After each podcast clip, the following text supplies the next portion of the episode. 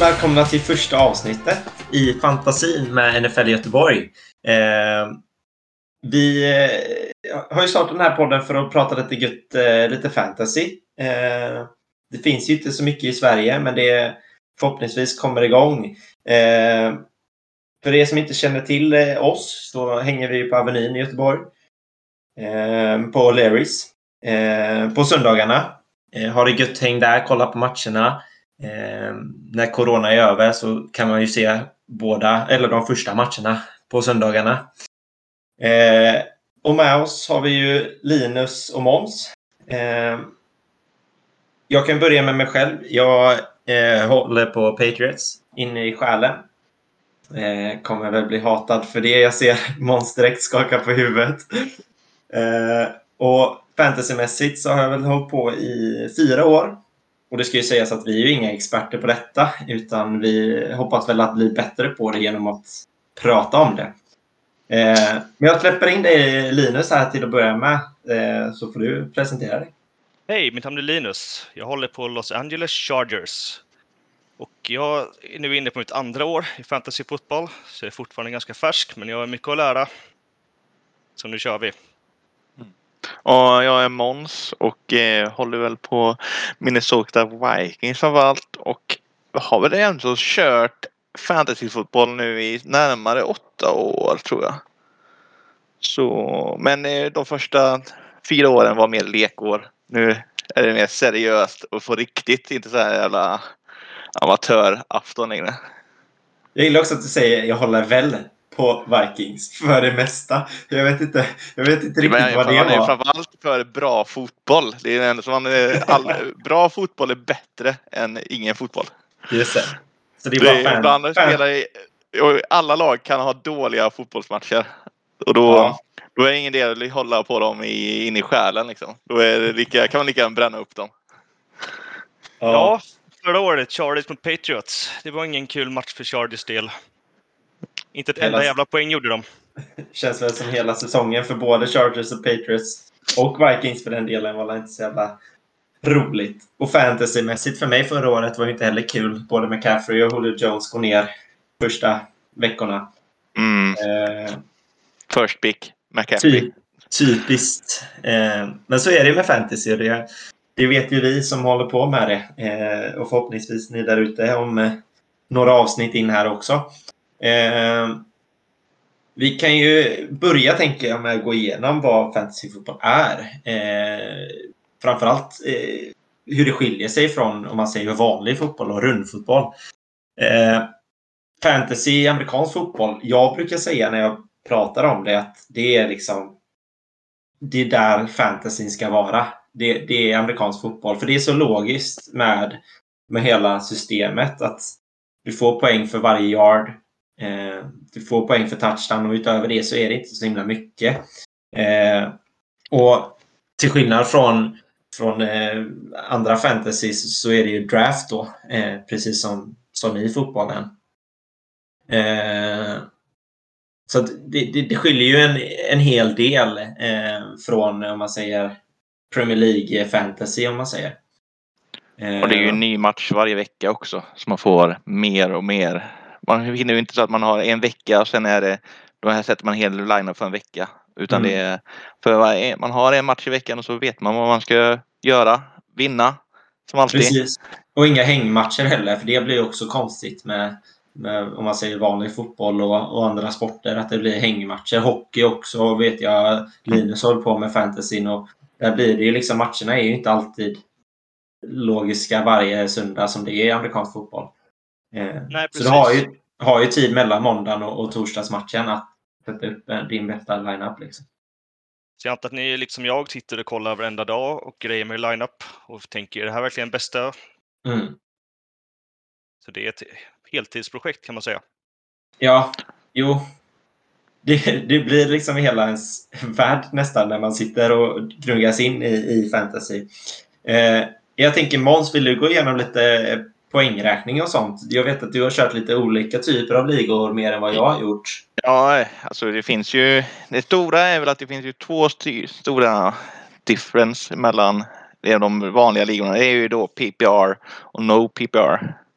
Det handlar egentligen om att det normalt sett är det ju de vanliga statsen som man har. Touchdowns eh, och eh, yards man tar från scrimmage. Och sen finns det ju lite för fumbles och allting men det är PPR egentligen points per receptions och då är det ju för wide receivers och running backs och alla andra som fångar en boll får man ju en extra poäng för varje mottagning. Mm. Och eh, oavsett om det är bakom line of scrimmage eller framför så länge det är en pass.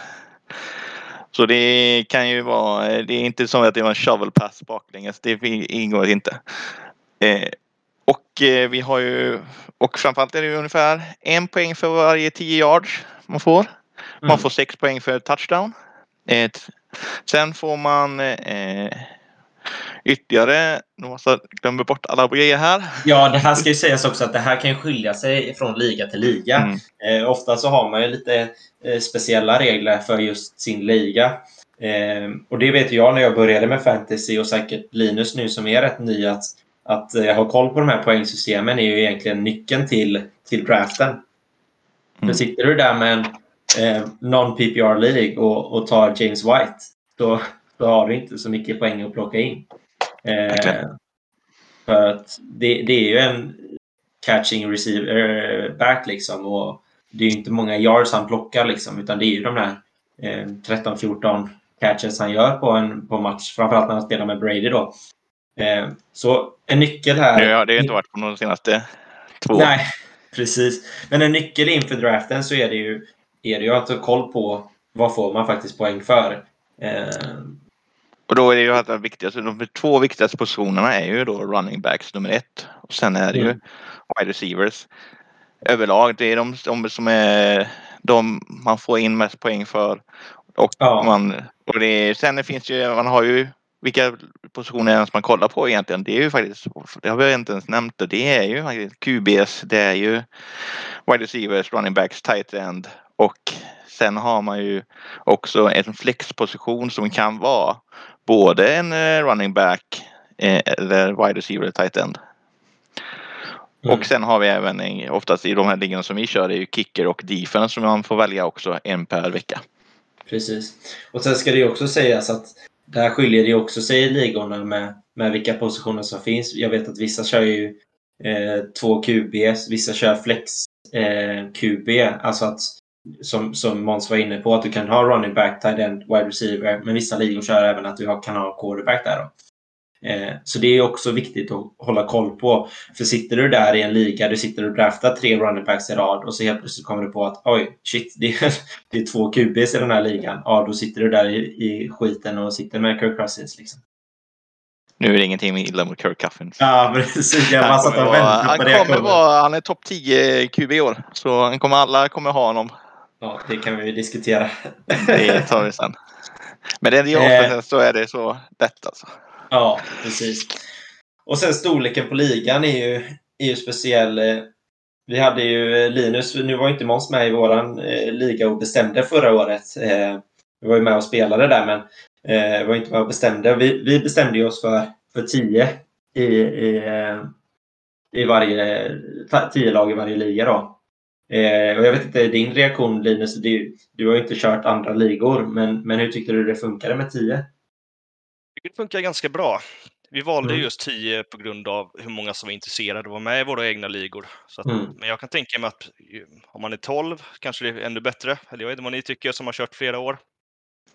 Ja, alltså, ja. Det är ju helt upp hur man själv vill ha det. Jag tycker att det, man hittar ju mer, man måste ju verkligen ha mer, så mer, mer människor med är så mest, mest koll, då måste man ha koll på vad finns där ute? Vad har du i dina guldkorn? Vad hit, kan du vaska fram någonting där i 13 rundan när du är 16 personer? Så är det ju, har du mycket bättre sen, men det är ju det som är Medan om man har 10 personer så har man ju det här, ja, då har man alltid något lite guldkorn, men det gäller att hitta det guldkornet som är mest värdefullt varje gång. Mm.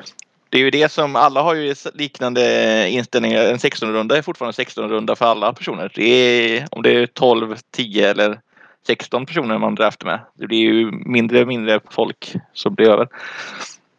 Precis. Och det vi, vi tog, nu tog jag egentligen beslutet själv eftersom jag var den enda som hade spelat fantasy i, i eh, gruppen innan. Men, men det som är för nybörjare så är det ju 10-12 man brukar snacka om. För kommer du in i, precis som Måns nämner, kommer in på 16 eh, ligor, ja då, då ska du ha riktigt, riktigt bra koll för att kunna klara dig. Eh, för sitter du där och gör ett dåligt draftvick i, i sjätte rundan, ja då är du väldigt eh, tufft ute i, vidare i ligan. Eh, men vi ska, ska också ta och snacka om när ligan väl är igång då. Då handlar det om vilka man ska starta. Och det säger ju kanske sig själv att man startar i de bästa spelarna man har tillgängliga. Eh, hålla koll på skador är en viktig del av det såklart också då. Har du din bästa spelare tillgänglig, ja, då startar du dem. Eh, eh, och jag vet Måns ville prata lite om streaming också. Eh, det kan du ta direkt där. Ja, streaming är ju då en vanlig annan företeelse som man gör på fantasy där man helt enkelt eh, eftersom man har det finns en eh, byteshandel som kan göras med Vivern där man, är, man tar en ny spelare, oftast väldigt vanligt eh, för defenses och även till viss del QBs och tight end och kickers där man eh, väljer att ha det här, det här möter QBn får en väldigt bra matchup mot eh, ligans sämsta försvar då tar man ju den i QB'n. Även fast den kanske inte är den normalt sett är den bästa QB'n i över en hel säsong. Men över just den matchen så har man troligtvis en väldigt bra eh, väldigt bra matchup. Och eh, så gör man så varje vecka och byter och ser. Men det handlar ju hela tiden om att kolla upp mot vad har vi playoff. Har vi inte hamna i skiten. Det är det som är, det är hela tjusningen och det, det måste prata om här med waiver wire, det är ju när du har draftat hela, och det ska vi gå igenom också hur draften fungerar. Mm. Men när du har draftat alla spelare eh, i draften så kommer det ju vara spelare över. Och de spelarna kan du då plocka ut och byta ut mot dem som du har draftat.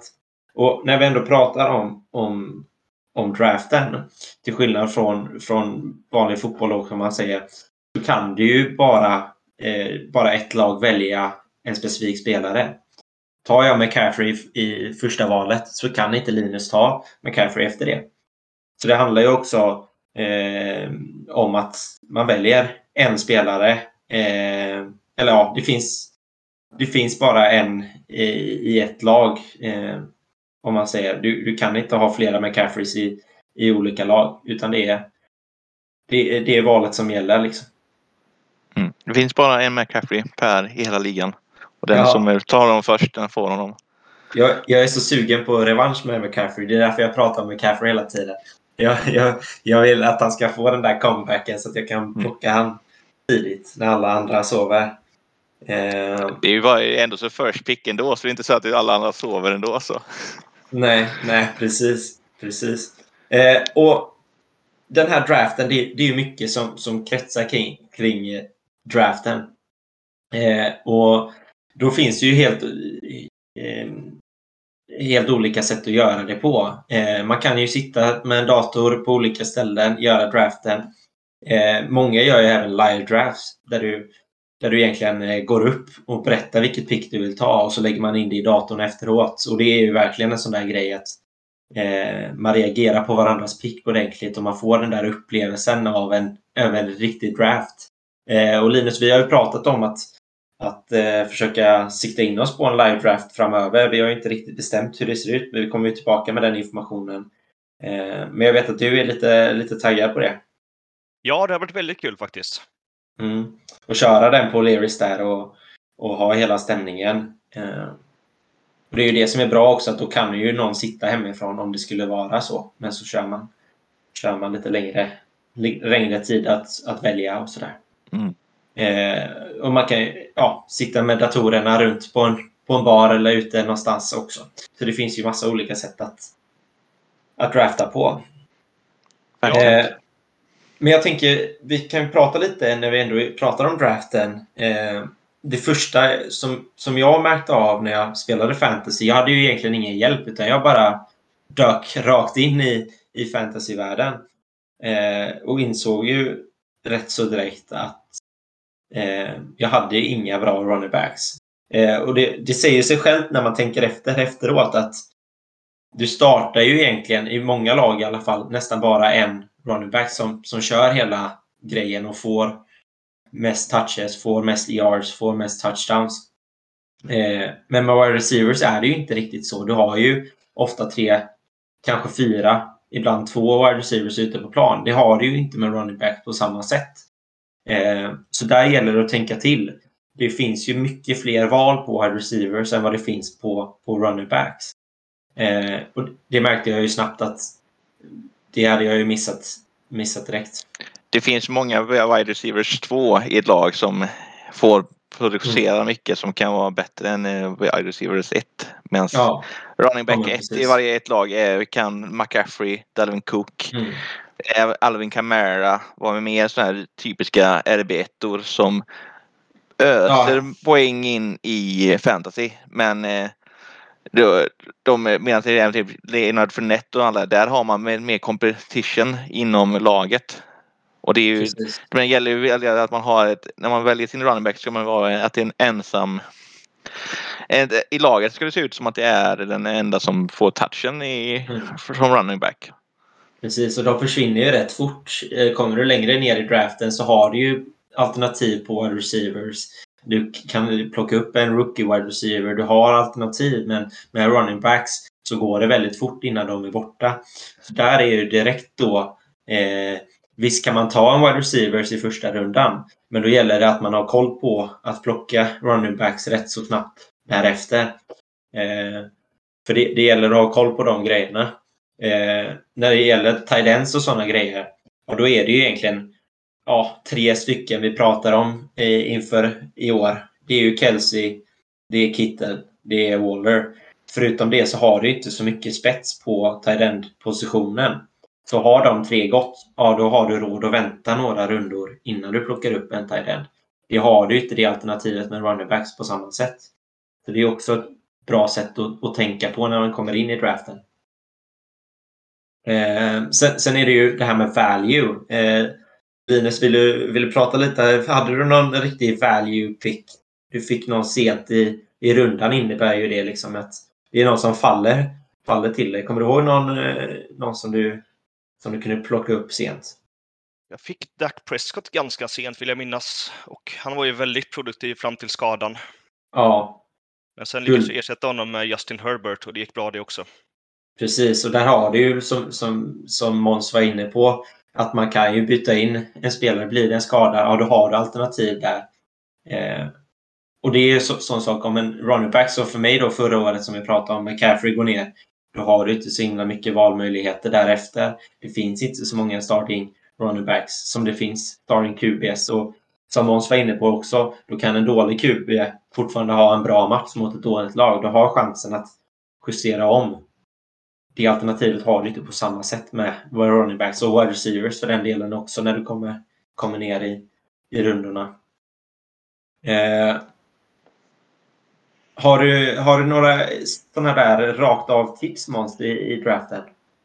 Ja, en väldigt sån bra tips är ju egentligen att ha någon form av cheat sheet framför sig. Någon form av mm. kolla upp vad är det som jag vill, när vill jag plocka en viss spelare? Och hur, ha en liten strategi. Jag vill börja kanske, mina första två picks kanske ska helst vara två running backs kanske. Eller ha en strategi fram hur, hur ska du hantera i, i draften och sen också ha någon form av rank, ranking på vad är det som när, vilka spelare är det som jag tycker är bäst?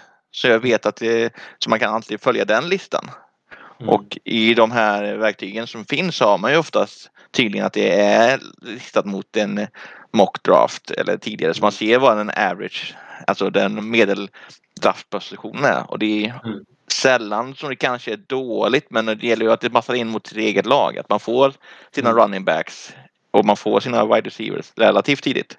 Istället för att hoppa in tidigt på att ta sju eller sju stycken QBs kanske inte lite väl men två i alla fall. Inne mm. i de första 10-5 picken liksom. Så gäller ju att ha väl förberedd det är min, min viktigaste ja. tips. Ja men precis. Och där är det ju också, du kan ju ha spelare som du tycker är guld. Eh, plocka en spelare som Juju Smith-Schuster eh, som, som kan vara guld och kan vara värdelös. Men du säger att du verkligen tror på den här spelaren. Ha koll på att han kommer inte gå i första rundan. Det kommer inte hända. Och det är ju det här som är svårt med att drafta för att du kan ta en annan spelare i de första två, tre, kanske fyra rundorna och ändå få Smith Schuster som du vill ha. Så det gäller att inte vara för snabb. Ha koll på var spelarna brukar gå. Alltså, det är väldigt sällan att en spelare hoppar tio platser, alltså en hel runda.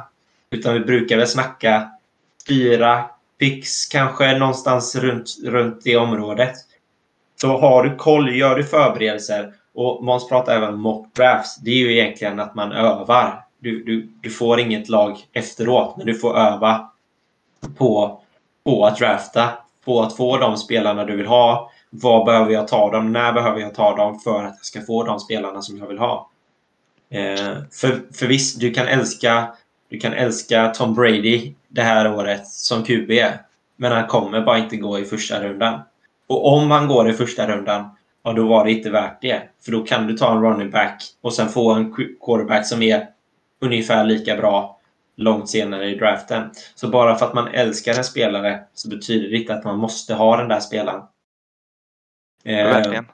Så, så det är ju det där som är svårt också. Man vill ju gärna ha de där spelarna som man tycker så mycket om. Men det gäller att ha lite is i magen och tänka på att det är en hel säsong de här ska hålla. Jag ska ha ett bra lag rakt igenom. För det räcker ju inte med en bra spelare i, i ditt fantasy lineup. Du behöver ha kvalitet egentligen rakt igenom.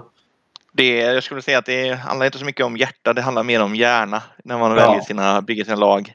Sen eh, Verkligen. kan man använda sitt hjärta i sina Alltså, man har ju bättre koll på sina lag så man vet ju i de här slutrundorna så vet jag att jag har en bra rookie som förra mm. året. Man tog Justin Jefferson. Det här är, känner man att det här kommer bli guld och det var ju mm. guld. Mm. Och det är där man måste vara. Eh, det är där man kan ha lite hjärta men inte mm. i tidiga delar av, av draften måste det, är det hjärna som gäller. Och eh, visst kan man alltid chansa, men det är inte så ofta som man vinner. Nej, nej precis. Jag brukar prata om första, i alla fall första två rundorna, så brukar jag prata om att gå inte två, tre positioner förbi. Du har ju en lista med, som, som Måns var inne på, med var, var spelarna brukar gå. Gå inte mer än två, tre, kanske fyra positioner över det. För det kommer inte vara värt det i slutändan när du kommer ner längre ner i draften. Och, och eh, Linus, du som, som är ny till detta.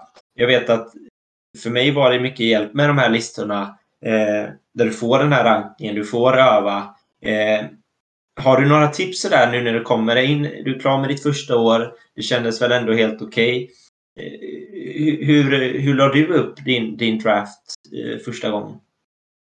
Jag gjorde väldigt mycket hemläxa. Att jag läste mm. på och gjorde många mock drafts. Men sen när jag väl kom till draften så använde jag mig faktiskt ganska mycket av autopick-funktionen, vilket eh, man inte ska underskatta för den hjälper dig enormt mycket. Mm. Det var till och med något lag som inte var med alls och aktivt draftade som ändå fick ett helt okej lag endast genom autopick. Så det är ett tips till nybörjare att faktiskt kolla på vad datorn föreslår för er.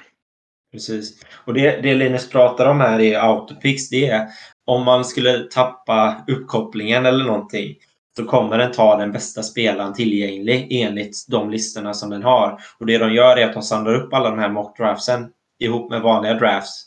Och, och så hittar den en statistik. Okej, okay, den här spelaren brukar gå i de här ordningarna. Får en lång lista på vilken ordning spelarna vanligtvis går i. Eh, och, och är du inte tillgänglig så får du bästa picket. Och även om du är på plats då så behöver du inte använda autopick. Men då har du den här listan. Okej, okay, det här är enligt statistiken den bästa tillgängliga spelaren. Känner du att du inte har koll på de här spelarna, då har du ju den till hjälp då att okej, okay, det här är den bästa tillgängliga spelaren. Så det är ett jättebra tips Linus, att, att, att hålla koll på den där listan. Eh, och den listan skiljer sig väldigt mycket beroende på vad man draftar också. Det kan se helt olika ut från olika draft sites. Oh ja, det, och det kommer ju allt från vad mockdraften har varit innan för de som har gjort det i, om, i de här testgrejerna. Så det är ju väldigt bra. Dels att man lär sig hur man draftar om det är första gången man gör det. Att göra en mockdraft och lära sig hur man mm. hanterar systemet och man lär sig också vad är, när ska en spelare ungefär gå?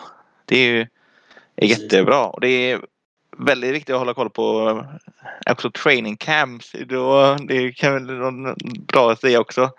Mm. Man måste veta om det inte är några skador som sker och sånt här. Så det är viktigt att tänka på också. Precis. Och sen, vi pratade ju lite om det här med rookies, för det är ju lurigt. Det är lurigt eh, när man draftar eh, rookies. Har du någon, någon eh, känsla över rookies? Vad, vad, står det där när det kommer till rookies? Tänker mig. Och jag, rookies, alltså... Sena rundor, aldrig fel. Det är ju ofta där du, du hittar väldigt mycket guldkorn där om du vet om de har hamnat i bra positioner. Förra året så plockade jag Chase Claypool ganska sent. Kändes mm. som en bra rookie, även fast var, var runda tre han plockades i. Eh, men det är inte så att det är första sex rundorna så brukar det sällan vara någon rookie. Nej. Förutom det är Clay, vad heter han, eh, vad heter han, eh, Clay Edward Hilaire. Ja, just det. Det var väl undantag och vissa, även Chacon Barkley, gick ganska tidigt när, man, när han det var rookie. Det kommer jag ihåg. Jag tror att till och med gick som första pick eh, nästan rakt igenom på alla, alla ligor, eh, Saquon, när han kom ut. Eh, och ja, han hade ju en riktigt bra säsong det året också. Så det, det, det, det, finns ju de där som sticker ut, de där rookiesarna. Men mm. precis, jag, jag är med dig Måns. Att, eh, sent in i ligorna, kanske runda sex, men efter sjuan där någonstans. Då kan man börja kolla på de här rookiesarna. Jag skulle säga att hellre om man har en sån här halvbra veteran mot en ny rookie hade jag väl mm. kunnat ha det mer uppsida på en eh, spännande rookie än du har på en veteran. Där i runda åtta någonting. Men det beror helt, så hade väl jag se där och det handlar ju på att hitta de här uppsidorna. Det är det som är och det gäller, man kan, inte träffa på alla men man får ju träffa på dem man träffar. Det är ju det är så man vinner ligorna liksom. Ja men precis, precis. Och det här med, eh, med lagnamn är ju en stor grej i fantasy. Det är ju kanske egentligen den stora grejen i fantasy. Det ska vara skojiga namn. Eh, jag vet Linus, du har gjort lite research på, på roliga namn. Har du hittat något bra? Ja, Boston Tea Party är ganska rolig. Och även Baby Got Duck. Måns, ja, har du några fler förslag? Ja, alltså jag tycker väl Country Road, Think Mahomes är ju en klassisk sån nybörjarnamn men ändå så ett toppennamn. Och även Davantes Inferno nu när Aaron Rodgers är riktigt ute på hal is. ja, jag vet att jag hade eh, Take Mahomes namnet eh, och så, sen var det någon som tog han tidigt, tidigt andra rundan. Så då stod jag där med Take Mahomes som namn och var inte ens nära på att kunna plocka Mahomes. Det var lite pinsamt ska jag säga. Så att eh, ja, det gäller att ha lite koll på de där namnen också, annars står du där i skiten. Man får ju ha ett eh, innan draft-namn som man eh, går undercover. Kan alltid vara ja. en del. En, det är en draftstrategi ja, också. Precis, var lite lurig. Det gick ju bra utan Mahomes också i och för sig. Så att, ja, Nej, men det där med namn det är spännande. Man ska inte sitta där med tråkiga namn. Det ska man inte. Säger vi också som, som hette NFL Göteborg förra året. Men det är bara för att göra det väldigt tydligt. Då. Men annars hade vi nog skojat till det lite. Eh, sen är det där med plattformar och det har ju blivit en lite, lite motsägningsfullt eller lite bråkigt nu eh, senaste året eh, eh när Sleeper kom fram. Jag är ju en, en ISBN eh, fantasy-kille rakt igenom. Men jag vet Måns, du, du har fallit lite för det här eh, Sleeper-tåget. Sleeper-tåget, ISBN-tåget. Jag, jag spelar väl spela fantasy framförallt och eh, Sleeper är lika bra att spela fantasy på som ISBN. Så. Aha. Och sen har det lite, lite, finns både för och nackdelar och eh, jag tycker Sleeper har en Framförallt när man gör väldigt, de har väldigt trevligt att mocka i och även känns, tycker jag känns bättre när man jobbar i mobilerna. För man sitter mm. I mobilen och fantasyar mest, inte direkt i datorn, i alla fall jag. Men det mm. finns kanske folk som är mer vill ha spreadsheet-aktiga Excel-listor. Ja, precis. Jag håller med dig. Sleeper är väldigt bra för, för Mox. Det, det tycker jag verkligen. Och, och kanske egentligen draften också. Det, det som jag gillar är när det kommer till själva ligan. Då tycker jag det är så rakt och tydligt. Det är ingen, det är ingen bullshit liksom. Sleeper känns så himla mycket det är, så, det är liksom lite robotar ut och hit och det ska vara lite blink och skoj och fina färger. ISBN är som du säger, det är, det är Excel-dokument nästan. Det är rakt på sak, det är tydligt. Eh, men där har vi väl inte riktigt heller bestämt oss hur vi kör eh, i år. Vi, vi kan väl Eh. köra ett år till med en ISBN om du vill. Sen så Ja. kommer du vara med på tåget också. Ja, Late, late bloomers. Vi får la se, vi får la se. Eh, och vi kommer köra vidare här nu eh, framöver. Eh, I nästa avsnitt så tänkte vi köra en liten, eh, liten eh, mock draft där vi sitter och, och, och går igenom precis vad vi, hur vi tänker när vi, när vi draftar helt enkelt. Eh, och kanske till och med kan med, få med så att man, man kan se det på att vi får med en liten video på när vi kör eh, också. Borde vi nog kunna lösa. Eh, som jag var inne på i början så, så sitter vi på, på Larrys på Avenyn. Eh, ni som lyssnar är ju fruktansvärt välkomna. Eh, det är riktigt god stämning. Det är det. Eh, säger jag nu som, som råkar bo i, i Skövde till vardags. Så att jag, jag är inte alltid med där. Eh, men så fort jag är i Göteborg så, så, så kommer jag dit. Det är det är Eh. Linus som är där som Don, Don Linus som sitter där i runda bordet jämt. Det är så det är. Precis. Han reppar Chargers eh, till, till tusen. Det är de och de fyra andra i hela Sverige. Ja, precis. Jag brukar väl så det är, det är eh, en amerikanare som var där en gång med mig. Han sa det är ju mer Chargers-fan i Sverige än vad det är i, i Los Angeles. Just det, som du är Char- Chargers-fan när du sitter här och lyssnar, då vet du att hela världen samlas i O'Leary som du är Chargers-fan. Det är där hela, hela skiten finns. Vi är få, men vi är stolta.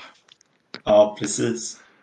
Nej, men framförallt så är det väldigt kul när man kör en matchup eh, mot någon på plats på Leris. Man sitter och kanske dricker en öl och sitter och trashtalkar varandra. Det brukar bli väldigt kul faktiskt. Vi hade en del sådana matcher förra säsongen. Det rekommenderas starkt.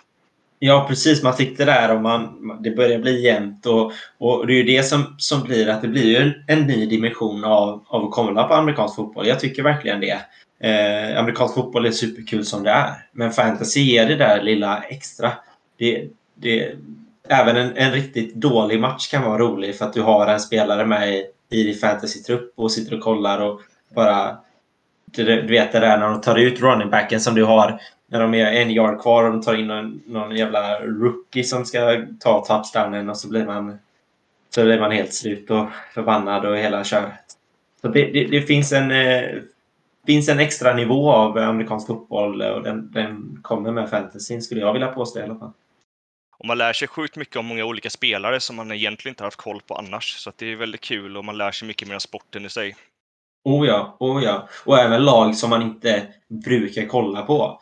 Eh, jag vet att jag satt och kollade på någon Jets-match eh, eh, förra året.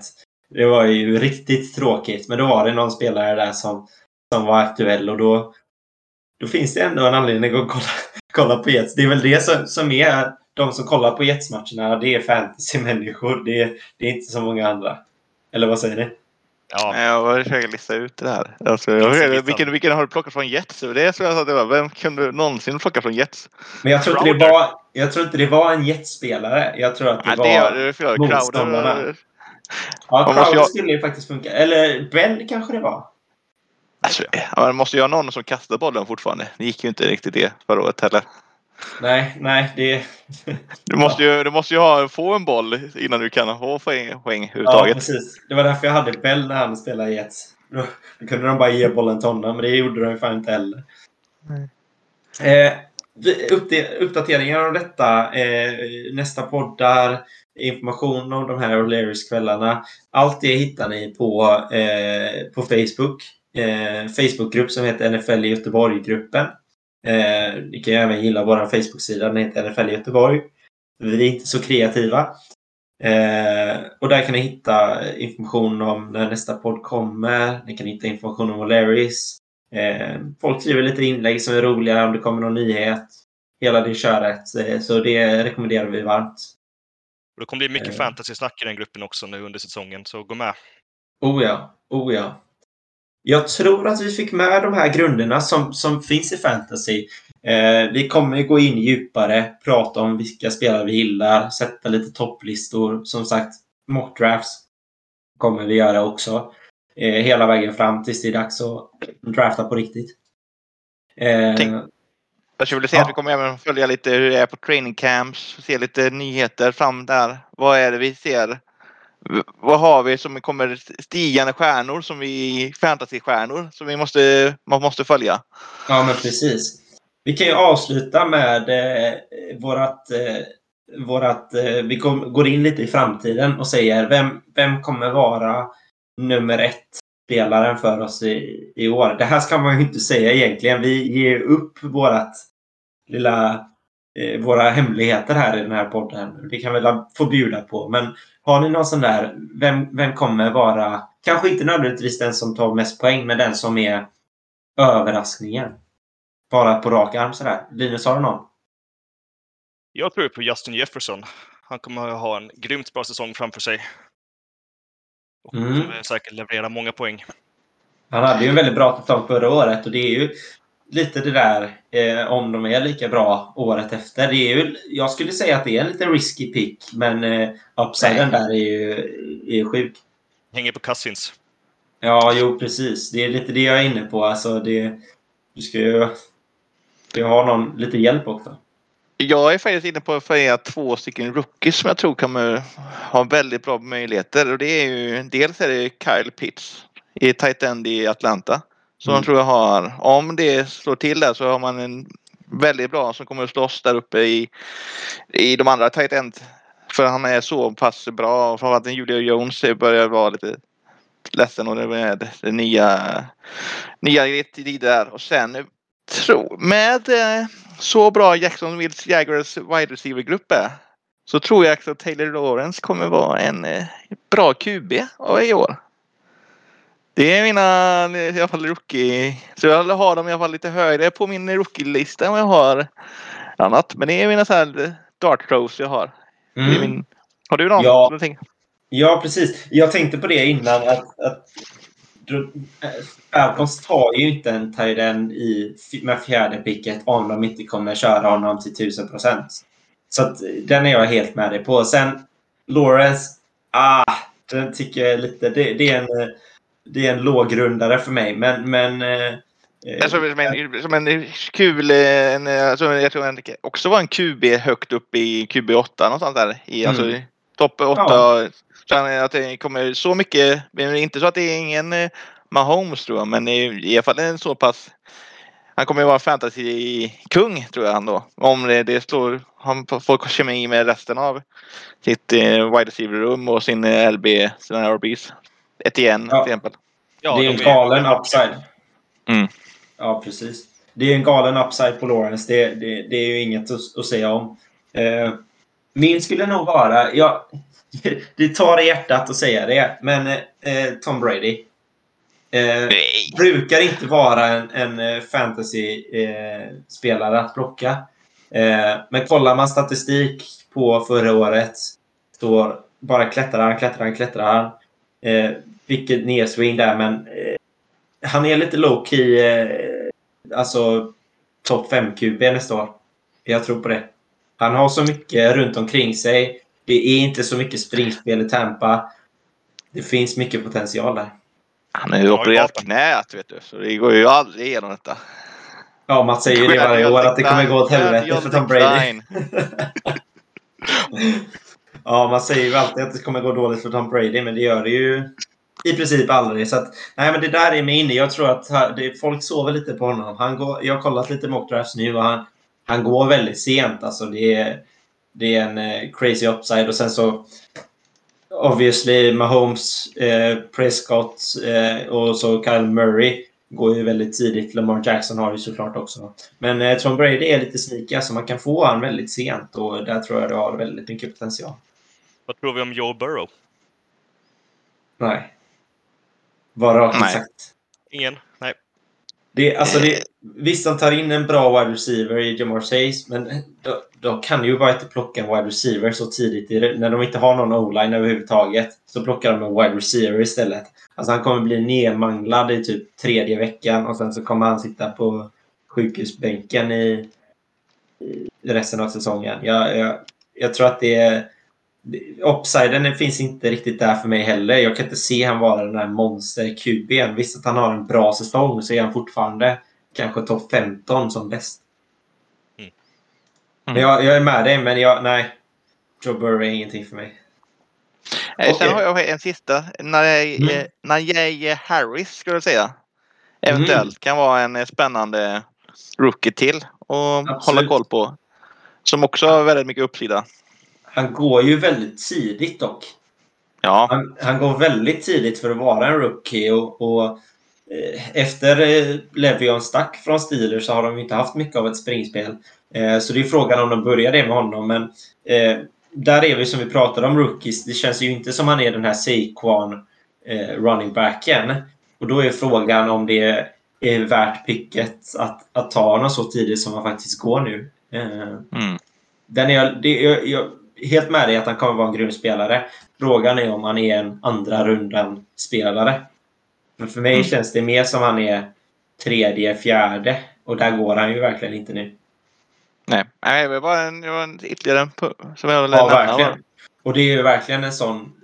Alltså han har ju världens chans om han får chansen. För det är en bra o-line. Det är, de, de har inte de här jätte-wide receiverna i Tony Brown längre. Juju har ju visat sig inte vara nummer ett wide receiver. Han är en typisk slott nummer två wide receiver. Och de har ju liksom inte spetsen där. Visst att det- det är mycket bra wide receivers, men det känns inte som de har den där tydliga number one wide receiver. Mm. Ja, men med det sagt så, så avslutar vi för, för denna gången och så, så kör vi en mockdraft här i nästa avsnitt. Så håll en utkik på, på Facebook-sidorna så, så ser ni nästa kommer. Så, så hörs vi då. Det gör vi. Ha det gott! Hej hej.